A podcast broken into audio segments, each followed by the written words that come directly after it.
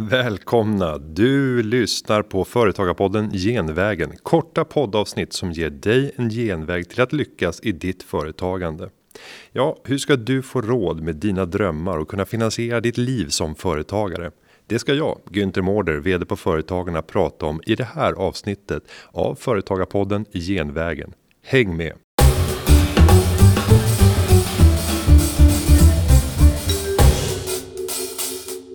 Ja, hur ska du få råd med dina drömmar? Och kanske innefatta dina drömmar att få starta eget företag och få leva det liv som du drömmer om. Ja, många de fastnar tyvärr i ett ekonomiskt ekorrhjul som gör att vi inte får de pengar över varje månad som gör att vi kan lägga undan till den här trygghetsbufferten som möjliggör att våga satsa på dina drömmar. Men det där ska jag på några få minuter försöka råda bot på. Jag tänker att vi ska börja med att eh, titta på varför det är så mycket månad kvar i slutet av pengarna. Ja, det där är någonting som jag tror att många av oss känner igen. Och det handlar om att många av oss fastnar i det här ekonomiska ekorrhjulet och bara springer och springer varje månad för att vi behöver få in nästa lön som kan betala alla de lån som vi har åtagit oss på kanske bilen, på kanske vår bostad och andra typer av krediter.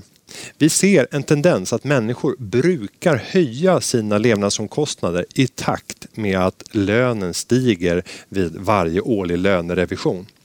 Och gör man så att man lever utifrån sina tillgångar, då kommer det aldrig bli några pengar över. Och jag har mött börsdirektörer som tjänar 300 000 kronor i månaden som ändå inte har pengar över när månaden är slut. För att de lever som man förväntar sig att en börsdirektör ska leva ett dyrt hus i eh, Djursholm eller på Lidingö och ett ställe uppe i Åre och kanske någonting på spanska solkusten och reser första klass. Ja, pengarna rinner iväg även för den som tjänar så mycket pengar om man lever som omvärlden förväntar sig att den här personen ska leva. Det som är nyckeln för att lyckas med att kunna få undan det här trygghetskapitalet som gör att vi kan förverkliga drömmarna, det är att bygga en stark självdisciplin som gör att vi eh, kan eh, lägga band på de här instinktiva känslorna som vi har som driver oss. Och för att göra det så måste vi ha en målbild. Vi måste förstå varför är det här viktigt. Så jag skulle säga, gör din målbildstavla. Om du gillar att visualisera, försök göra en tavla. Antingen så kan du göra den i datorn eller så kan du måla den eller klippa och klistra olika bilder och lägga ihop. Men gör en bild över din framtida dröm.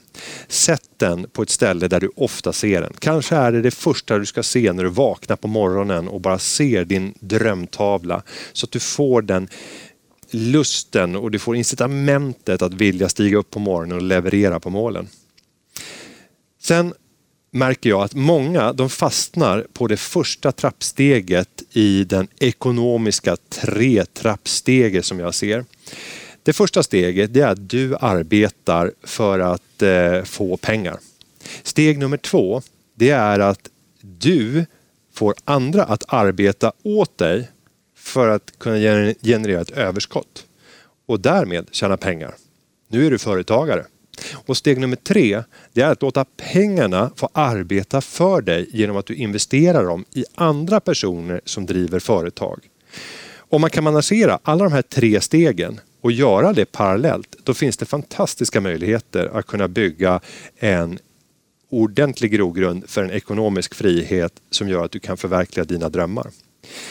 Varför är det så spännande med att faktiskt börja bygga den här bufferten? Ja, då kan vi titta på vad ränta på ränta eh, egentligen betyder. Einstein utnämnde det här till ett underverk och det är oerhört svårt att förstå kraften i ränta på ränta.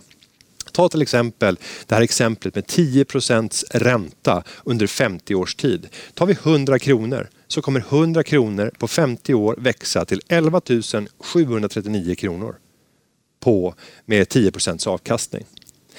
Om man står inför beslutet idag att köpa någonting för 100 kronor, vad kan det vara? Till exempel bjuda sin eh, kompis på en kaffe och ta en massarin gånger två.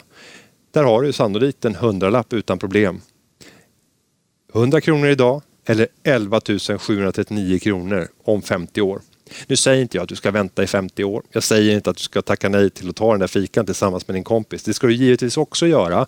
Men du ska förstå vikten av att lägga undan pengar varje månad och sen investera dem för att få avkastning på dem så att du får pengar att kunna investera i dina drömmar. Men då handlar det om att du måste ta ledarskapet över dina drifter och dina impulser. Vi som människor, ja, vi är vanemänniskor. Vi tenderar att göra som vi alltid har gjort och ska vi därför bryta det här ekonomiska ekorrhjulet då måste vi ställa oss vid sidan av och göra saker som kortsiktigt känns ganska jobbiga. Det kommer kännas som att vi är förlorare när vi inte konsumerar det vi tidigare tyckte var självklart för att just skapa det sparutrymmet. Men det är en nödvändig förutsättning för att kunna ta sig vidare till nästa steg. Vi är också flockdjur som människor. Det gör att vi alltid tittar på andra som är omkring oss. Och det där blir ju en kraft som är farlig. För att om andra inte börjar ändra sina vanor utan det är bara du, då kommer du utsättas för ständig, ständiga frestelser genom förfrågningar och genom olika typer av erbjudanden om att följa med på den där roliga händelsen som kommer visserligen kosta mycket pengar men skapar fantastiska minnen. Och visst ska man göra det, men det gäller att hitta balansen och också se hur kan man göra det här på ett kostnadseffektivt sätt. Flockbeteendet är farligt och vi måste lära oss att hantera det. Vi som människor vi är också rädsledrivna. Vi styrs av de rädslor vi känner och det gör att eh, många tar för lite risk i sina eh, investeringar, i sitt sparande. Om man väljer att spara på ett räntekonto eller i en räntefond, ja då kommer avkastningen vara mycket begränsad. Men om du istället väljer att ta risk och trotsa din rädsla för att förlora pengar så kommer du över tid att tjäna mer. Kortsiktigt kan det gå åt fel håll, men över tid så kommer du att bli belönad. Vi är också statustörstande och det hänger väl samman lite grann det här med flockbeteendet. Eh, vi tenderar att ständigt vilja visa för flocken att vi har det bra och att vi står oss i rangordningen. Men där gäller det bara att släppa det där. Försök hitta statusen genom någonting annat. Att hitta statusen med den frihet som kommer med det kapital som du kan lägga undan och spara som är menat att förverkliga dina drömmar. Sen tenderar vi också att vara kortsiktiga. Vi har väldigt lätt att se här och nu men vi har väldigt svårt att se om 10-15 år och kunna föreställa oss vad olika beteenden idag skulle kunna få för konsekvenser på lång sikt.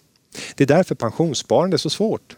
För många i unga år har svårt att relatera till den framtiden.